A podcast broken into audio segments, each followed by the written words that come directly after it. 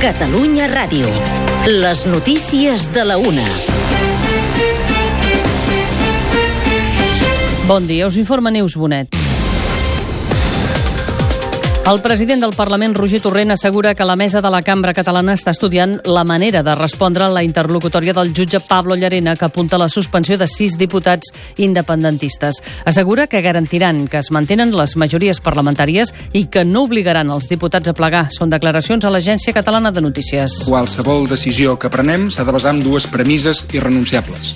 La primera és que no permetrem que s'alterin les majories parlamentàries per, eh, eh, per un jutge o per un tribunal i la segona és que no farem renunciar a l'acte a cap diputat del Parlament de Catalunya. Torrent també ha criticat la proposta del jutge Pablo Llarena de nomenar un diputat substitut. És un absolut despropòsit, des de tots els punts de vista és un despropòsit eh, jurídic, és un despropòsit polític i és un despropòsit des de la perspectiva de la defensa dels drets eh, polítics i civils fonamentals, ja no, insisteixo, dels diputats del Parlament de Catalunya, sinó dels ciutadans que els han votat en aquests, en aquests eh, eh, diputats.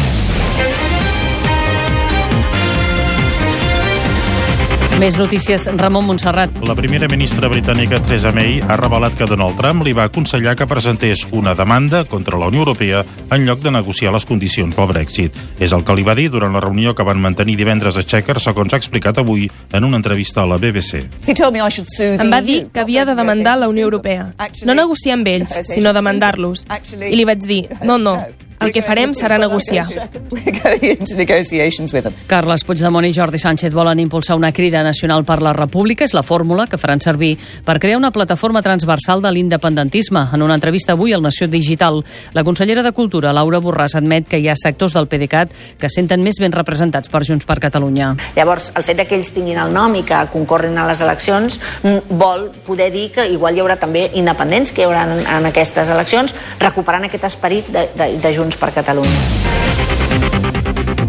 MGMT, Cat Power, Viva Suecia i Newman són les noves incorporacions al cartell del Festival Cruïlla de Tardor que se celebrarà del 12 al 31 d'octubre. Els organitzadors han aprofitat el tancament de la darrera edició del festival per anunciar-ho a través d'un comunicat. La d'aquest any ha estat una edició que ha plegat unes 57.000 persones, una xifra similar a la de l'any passat.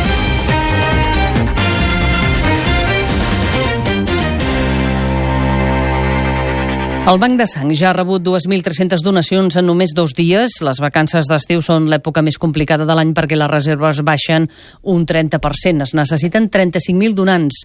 Ara mateix hi ha reserves per uns 8 o 9 dies, però a partir de la segona quinzena d'aquest mes baixen de manera considerable perquè molta gent ja ha començat les vacances.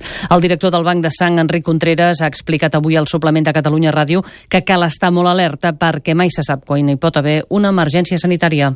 Si recordem ara fa pràcticament un any, al mes d'agost de, de l'any passat van haver els atemptats a Barcelona i Cambrils. Per sort teníem reserves de sang suficients i vam poder fer front a les necessitats que, van, que es van derivar d'aquests atemptats pels ferits que hi van haver.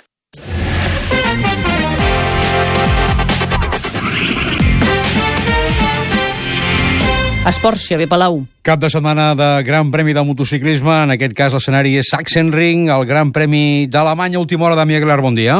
Bon dia, ha guanyat Brad Binder la cursa de Moto2 sobre Joan Mir i Luca Marini.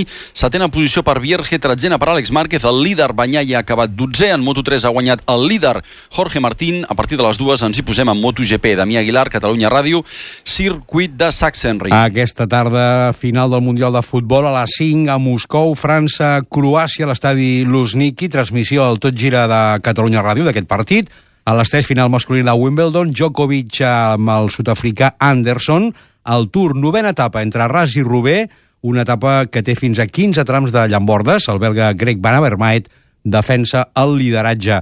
I a l'europeu de waterpolo, a la Picornella Barcelona, Montjuïc, aquest vespre a les 10, segon partit del combinat espanyol femení, amb majoria de jugadores catalanes contra Alemanya.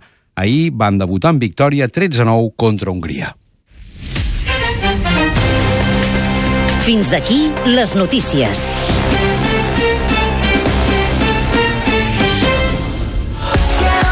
Revolució 4.0, amb Xantal Llavina. Diumenge al Revolució, un dels grans del periodisme al nostre país, Antoni Bassas. Quin és el futur de la comunicació i del periodisme? Descobrirem rols de parell al nou programa que estrena Llucia Ferrer aquest estiu a TV3 i els secrets del Festival Internacional de Publicitat de Cants. Revolució 4.0, cada diumenge a les 11 de la nit a Catalunya Ràdio, amb Xantal Llavina. Et revoluciones amb nosaltres? Vaig trobar un llibre als lavabos de l'escola. I quin llibre? El mite de Sisi. De Camí? El coneix? M'agraden els existencialistes. Jean-François i el sentit de la vida, la pel·lícula basada en l'obra d'Albert Camí que dirigeix Sergi Portabella i mostra l'ètica de la lluita, l'esforç i la revolta. Amb un repartiment excepcional, Pau Durà, Agatha Roca, Clàudia Vega i Max Mejías. Estrena als cinemes el 6 de juliol. Som Pericos i ho som perquè volem. Ja ha començat la campanya d'abonaments de l'Espanyol per la propera temporada. Informa't a rcdespanyol.com barra abonats o trucant al 93 292 77 27. Fes-te'n soci i ens veiem al camp.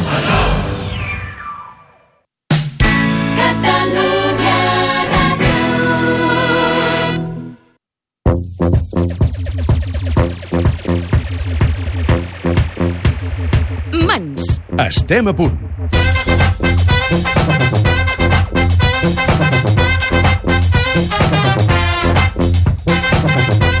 Bon dia i bona hora, la una i pocs minuts d'aquest diumenge 15 de juliol. Un diumenge més a Catalunya Ràdio. Comencem al Mans, el programa de la festa i de la cultura d'arrel a Catalunya Ràdio, la nacional i més festiva de Catalunya.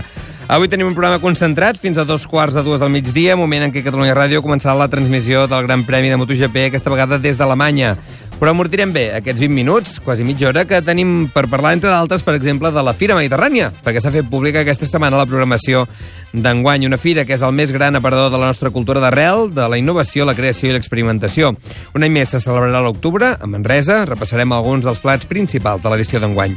També ens en anirem fins a Tortosa i és que el cap de setmana que ve se celebra una nova edició, ja en 23, de la Festa del Renaixement, amb més de 3.000 ciutadans vestits d'època, 60 espectacles diaris, més de 500 actors que fan que la ciutat se'n vagi fins a 500 anys enrere. I tindrem temps per parlar de música i conèixer el projecte Endo Catalonia que se celebra fins avui a Banyoles. Tot plegat a un programa que us oferim amb Ricard Portal, els controls i vies de so, Berta Vancell, Sergi Vives, Esther Plana i Quim Rotllan. Al país, però, ara mateix hi estan passant un munt de coses més, que tot seguit repassem. Vinguis d'on vinguis, desperta l'aborigen.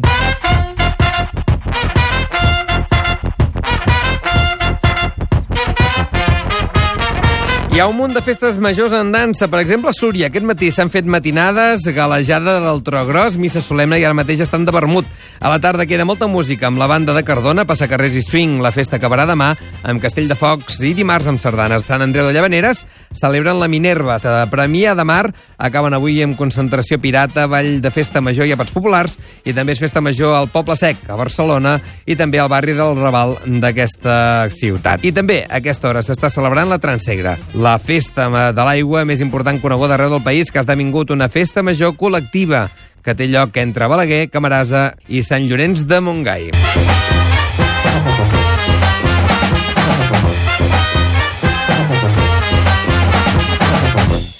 Mans, amb Esther Plana i Quim Rutllan.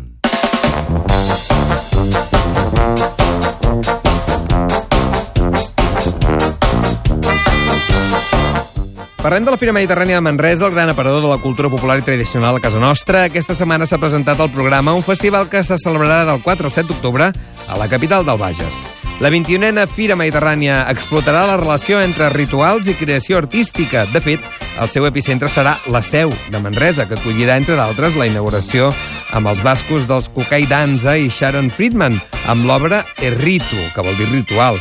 Parla de rituals en David Ibáñez, director de la Fira. Totes les cultures s'han anat fent a base de rituals. Totes les cultures tenen uns codis de relació i, i la cultura tradicional um, sempre s'ha relacionat amb l'espiritualitat, sempre s'ha relacionat amb la comunitat i d'aquí doncs, que cadascuna de les cultures del món doncs, és única i és única entre altres coses pels seus rituals. Aquests rituals, ja siguin molt antics o siguin més contemporanis, ja siguin una, una falla del Pirineu en, que, que ve de, de la nit dels temps o un, un ritual de dansa electrònica eh, en una discoteca, que també és un ritual contemporani, doncs siguin antics o contemporanis, tots els, els rituals tenen uns codis molt forts. Tenen un component comunitari i tenen un component estètic. I precisament per això, per aquesta força que tenen els rituals, sempre han estat una font d'inspiració pels artistes.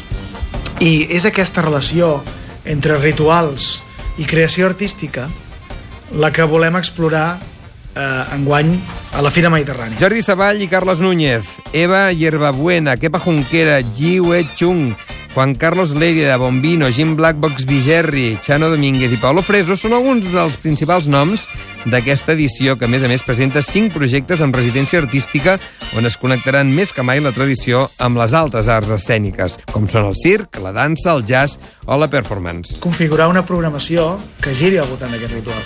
I ho farem començant pel principi, és a dir, per la inauguració. Serà el dia 4 d'octubre i serà en un lloc molt, molt especial, que és la, la nau principal, la nau de la seu de Manresa. I una peça a càrrec de Cucà i Danza, eh, amb coreografia de Sharon Friedman, eh, com sabeu, és un dels principals companyies de, de dansa del País Basc, però a més a més sempre treballant amb l'arrel tradicional.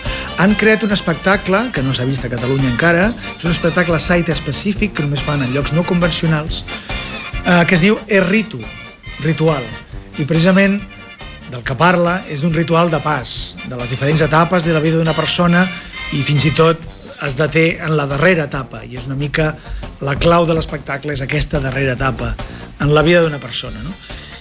un, un espectacle en el que també tindrem la col·laboració de l'Orfeo Manresà i que ens servirà per, per obrir eh, ens servirà per, per obrir la fira també té un origen ritual el projecte de Bayer Buena, un espectacle dels importants al Teatre Cursal. És aquest diàleg entre el Japó i el flamenc. Són dos projectes molt trencadors, dos projectes en residència que residiran una setmana a Fira Mediterrània. Un és Juan Carlos Lérida, com sabeu, és, és un dels, no només un gran coreògraf flamenc, sinó un dels grans pensadors del flamenc. I ell està desenvolupant un projecte que comença a Manresa i que es perllongarà durant més d'un any ell vol eh, inspirar-se en els oficis. I l'ofici que ha escollit a Manresa és un taller mecànic. Per tant, tindrem un bailaor flamenc durant una setmana, en horari laboral, investigant eh, mentre els seus companys de feina estan arreglant cotxes. Eh, també és un projecte diferent. El protagonitza la Ji Hye Chung. Ella és una coreògrafa coreana eh, que pertany a la companyia del Raymond Hawk, que va ser eh, un dels dramaturgs de la Pina Bausch, i, i ella està fent... Eh, eh, el que ella reclama és una mesura més humana del temps. I el que ha vist a Catalunya és llibertat d'expressió, la força de la tradició, en forma de castellers. Ella vol eh, introduir el ritual de la dansa electrònica, de la dansa col·lectiva contemporània. Un altre ritual, en aquest cas musical, és el Carles Dènia, artista que admirem molt i que ha fet un projecte sobre el cant espiritual d'Ausias Marc. També ens fa molta il·lusió tenir l'estrena del de, nou projecte de la Societat, de la Societat Doctor Alonso, Rituals a la, a la Seu, que serà el centre neuràlgic fins a cinc espectacles tindrà lloc a la Seu. I l'últim dels rituals que farem a la Seu és d'un esbart, l'esbart Joaquim Ruïra, de Blanes, amb un projecte molt interessant que es diu eh, Tornar a casa, i és un recull de danses d'arrel, però d'origen religiós.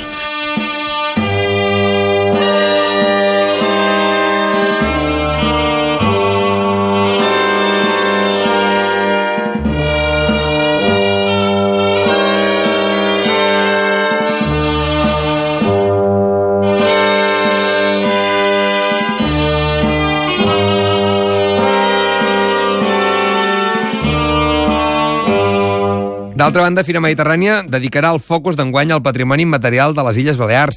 Presentarà una nova edició de la final del concurs Sons. Podran sentir-s'hi propostes musicals úniques o bé s'hi estrenarà la proposta de Magí Canyelles i Arnau Tordera Les cançons seran sempre nostres, Premi Teresa Rebull d'aquest 2018. A més a més, la fira començarà amb un pòrtic just una setmana abans. El protagonitzarà l'Ada Vilaró. És un ritual eh, realment especial perquè durarà sis dies ja sabem que l'ADA està especialitzada en, en projectes quilomètrics i aquest serà quilomètric no només per la, per la, per la durada, sinó per la llargada. L'ADA vol caminar durant sis dies per tot el Bages per la pau. L'Ada té ganes d'explicar de, alguns sentiments que ens són molt propers. En paraules seves diu un pas per la pau, que és el títol del projecte, camina, camina exilis de l'ànima. Ens parla de les arrels i dels desarrelaments, del lloc de la pèrdua i de l'esperança, dels desplaçaments i fugides, dels espais de memòria a l'oblit i d'horitzons de fons que bateguen amor i vida. Amb aquesta filosofia tan seva, ella començarà una setmana abans de la fira. El 30 de setembre, al Mont Sant Benet, on farem tota una jornada de pòrtic, amb la col·laboració de la Fundació Catalunya la Pedrera i el propi Montsant Benet farem un, diverses activitats. La Fundació Catalunya la Pedrera s'ha involucrat en la producció d'aquest projecte de la de Vilaró i allà començarà començarà amb una visita guiada molt especial pel monestir de Sant Benet de Bages que és un, un racó increïble perquè, perquè no els conegueu. Però un cop passat aquest espectacle que té una durada d'una hora el públic se'n va però l'Ada també se'n va.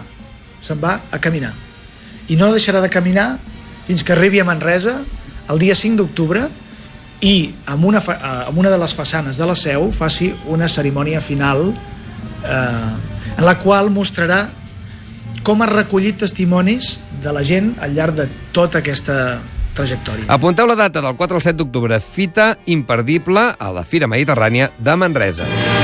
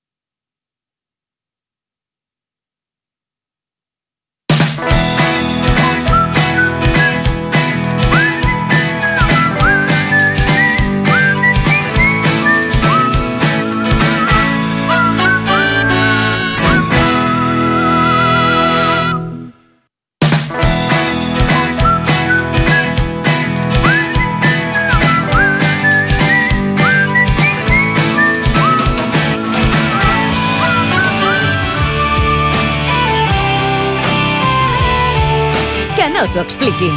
Connecta't a la festa.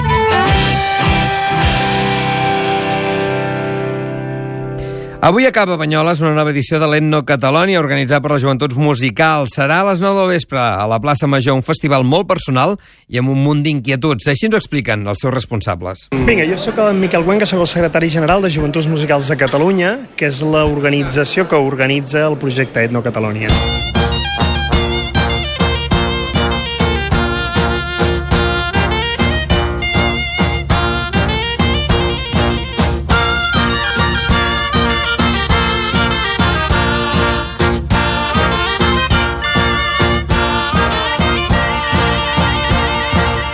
Etno és un projecte que està present a 15 països del món. A Catalunya és molt nou. Aquest any 2016 hem celebrat tot just la primera edició i Catalunya ha sigut el 15è país a afegir-se a aquest projecte. Etno és un concepte de campus musical adreçat a músics folk joves d'entre 16 i 30 anys d'arreu del món que es reuneixen durant 10 dies en algun lloc del món, no? en 15 llocs diferents del món, sol ser simultani, eh, i comparteixen experiències i música. La singularitat que té Etno no, com a campus, és que no hi ha professors, eh? no, hi ha, no són classes magistrals, sinó que són workshops, tallers, en els quals cada músic ensenya a la resta una peça, un repertori del seu país. I tots junts construeixen un repertori en comú i al final d'aquests 10 dies de feina en comú doncs ho presenten en un concert en què toquen tots 40 músics al damunt de l'escenari i ho presenten en gira eh, per tot Catalunya. No? Fan entre 4 i 5 concerts.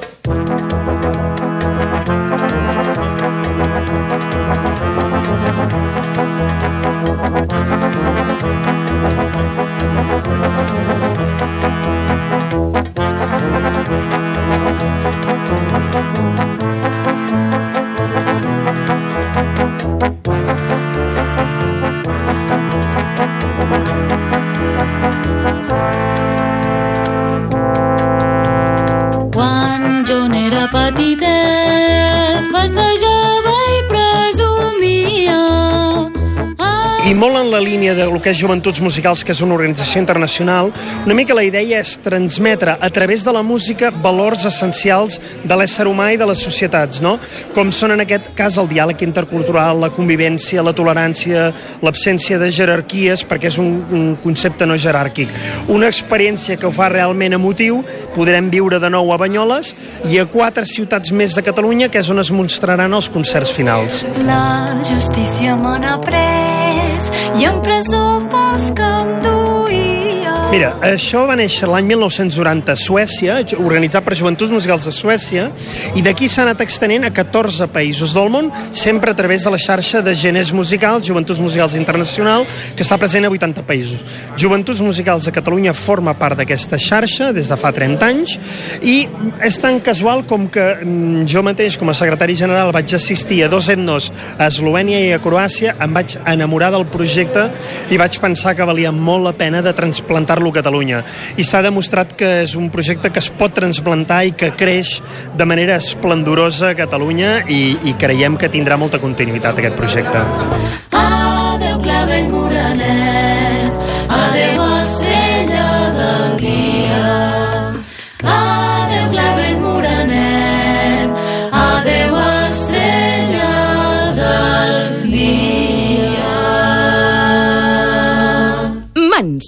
Cultura a la pell. La setmana que ve Tortosa es transformarà en una vila del Renaixement. Se'n va directament al segle XVI i és que celebren la 23a edició de la Festa del Renaixement. Quatre dies molt plens de festa, de transformació i de redescobriment de la vila. En parlem amb la seva alcaldessa, la Meritxell Roger. Bon dia, Meritxell. Bon dia. Què representa aquesta festa del Renaixement per la ciutat? Per a la ciutat, eh, que enguany celebra la 23a edició de la Festa del Renaixement, suposa que retornem al segle XVI, que la ciutat es transforma en l'època de màxima esplendor que va tindre Tortosa i que durant quatre dies es programen prop d'un centenar d'espectacles diaris de companyies locals estatals i també amb molta presència internacional i que es tracta de que tota la ciutat eh, es vesteix eh, d'època i s'engalanen balcons, façanes, comerços i tots els carrers i per tant retornem en aquell segle XVI més enllà del que seria un eh, mercat medieval, perquè no estem parlant d'això, sinó que estem parlant d'una festa que potencia aquells elements i referències pròpies del segle XVI, com són els Reals Col·legis, que és el conjunt renaixentista més important del nostre país. La població viu molt intensament i, a més a més, s'hi ha implicat des, del primer, des de la primera edició. La gent es vesteix de, de renaixement, la gent situa el taulell al carrer, participa dels espectacles i, concretament, la corporació municipal també es vesteix i participa de, de tots els espectacles que es porten a terme al llarg d'estos quatre dies que dura la festa. Què tenia Tortosa al segle XVI que ara s'hagi o, es pugui reivindicar avui en dia? Al segle XVI, Tortosa era, igual que ho és avui en dia, era la cruïlla de territoris amb diferents cultures que s'hi aplegaven, però a més a més hi teníem com un fet eh, diferencial el fet, per exemple, que el papa Adrià VI, que en aquell moment eh, papa, també era eh, bisbe de, de Tortosa. O tenim un historiador com Cristòfol Despuig, que va, va ser l'autor dels col·loquis de la insigne ciutat de Tortosa. Tenim el riu Ebre com a, com a un de, dels eixos principals pel que fa a la d'Aragó i Tortosa en este cas era el centre pel que fa a esta corona.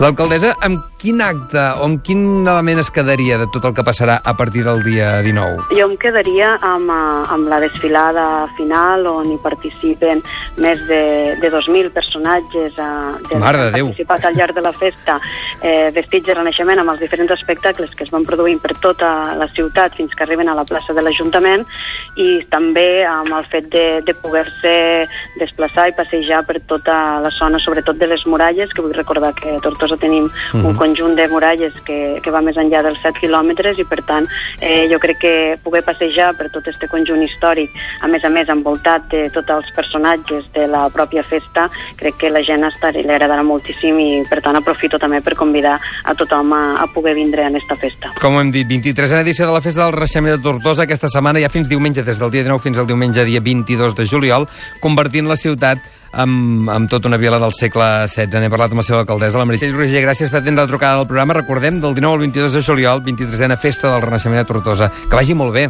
Moltíssimes gràcies.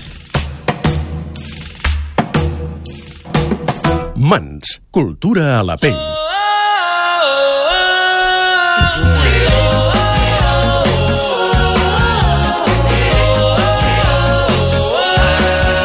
Falten pocs minuts per arribar al punt de dos quarts de dues del migdia, per tant, darreres propostes. Per exemple, avui a la tarda sou a temps d'anar a la plec de Ripoll, la 65a edició d'aquest plec amb les coples Ciutat de Girona, Bellpuig Copla, Juvenil de Sabadell i Sant Jordi. Al Forja també hi ha sardanes, la setmana que ve divendres, atenció, concert important de la Sinfònica de Copla i Corda Calaf, el casal amb Manu Guix, Helena Gadel i la Bet, o bé un altre concert amb un to totalment diferent. Els Lluïsos seran divendres a Castellà del Vallès amb l'espectacle Festa Major, revisitant aquest mític disc de la Trinca. Cal dir que la setmana que ve Seret celebra el cap de setmana del Festival de la Sardana amb concurs, ballades i aplec. Tornant avui, el Festival Portablau de l'Escala, doble actuació de l'Esval Camp Paradise Orquestra a les 8 i a les 11 de la nit. Avui comença el 39è Festival de Cant Coral Catalunya Centre, amb nou concerts i en espai únics, fins al proper dia 24 de juliol.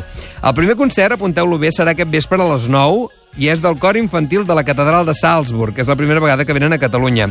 Com us diem, el festival aquest any arriba a espais emblemàtics de la Catalunya Central, com per exemple la Cova de Manresa o el Castell de Balsareny. Doncs atenció perquè el concert d'avui del cor de Salzburg serà a la Basílica de Montserrat. Us convido aquest vespre, diumenge 15 de juliol, a les 9 del vespre, a escoltar el cor de nens de la Catedral de Salzburg, que inaugura el 39è Festival de Cant Coral Catalunya Centre. Un històric festival coorganitzat per la Capella de Música Borés i l'Ajuntament de Castellbell i el Vilar i que, sens dubte, és un dels certàmens corals més antics de Catalunya. I sereu benvinguts. Bon dia! Ja de cara a la setmana que ve, al cap de setmana que ve, vaja, atenció que comencen festes majors grans de finals de juliol, com les Santes de Mataró, una de les més bèsties que hi ha i renovades. A Lloret de Mar, amb les tradicionals danses de les morratxes per Santa Cristina o bé la competida cursa del Samorra Morra a Mar o a Blanes, amb les sis nits del concurs de focs d'artifici de caràcter internacional. Festa Major, precisament, des d'on farem el proper diumenge el darrer programa de la temporada. I, per tant, fins aquí el Mans d'avui, diumenge 15 de juliol, un Mans que us hem ofert amb Ricard Portal, els controls i vies de so, Sergi Vives, Esther Plana, Berta Vancells i Quim Rotllant. Que tingueu un molt bon diumenge. Nosaltres ens quedem amb els Gazpacho i la Bisbal Jove i aquesta versió del Paraules d'Amor.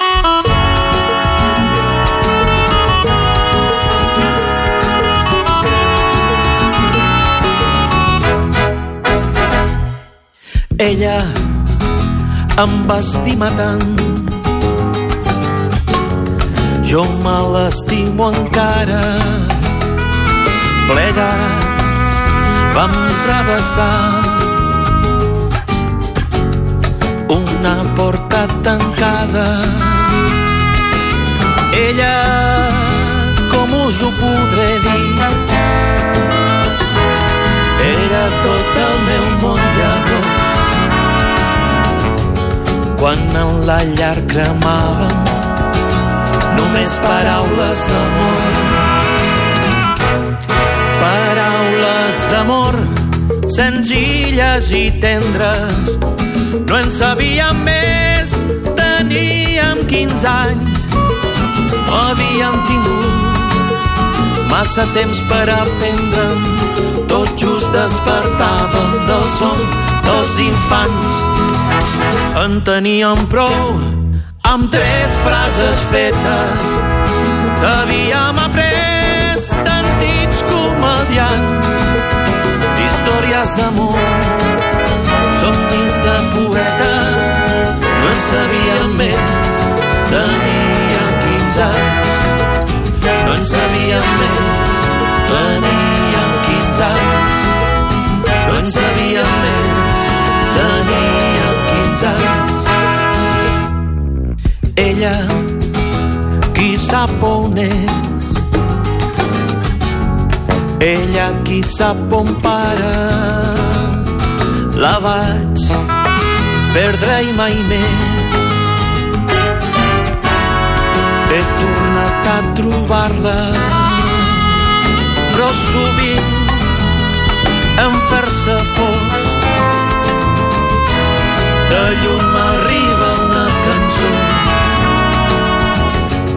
Velles notes, vells acords, velles paraules d'amor. Paraules d'amor, senzilles i tendres, no en sabíem més, teníem teníem 15 anys, no havíem tingut massa temps per aprendre'm. Tot just despertàvem del son dels infants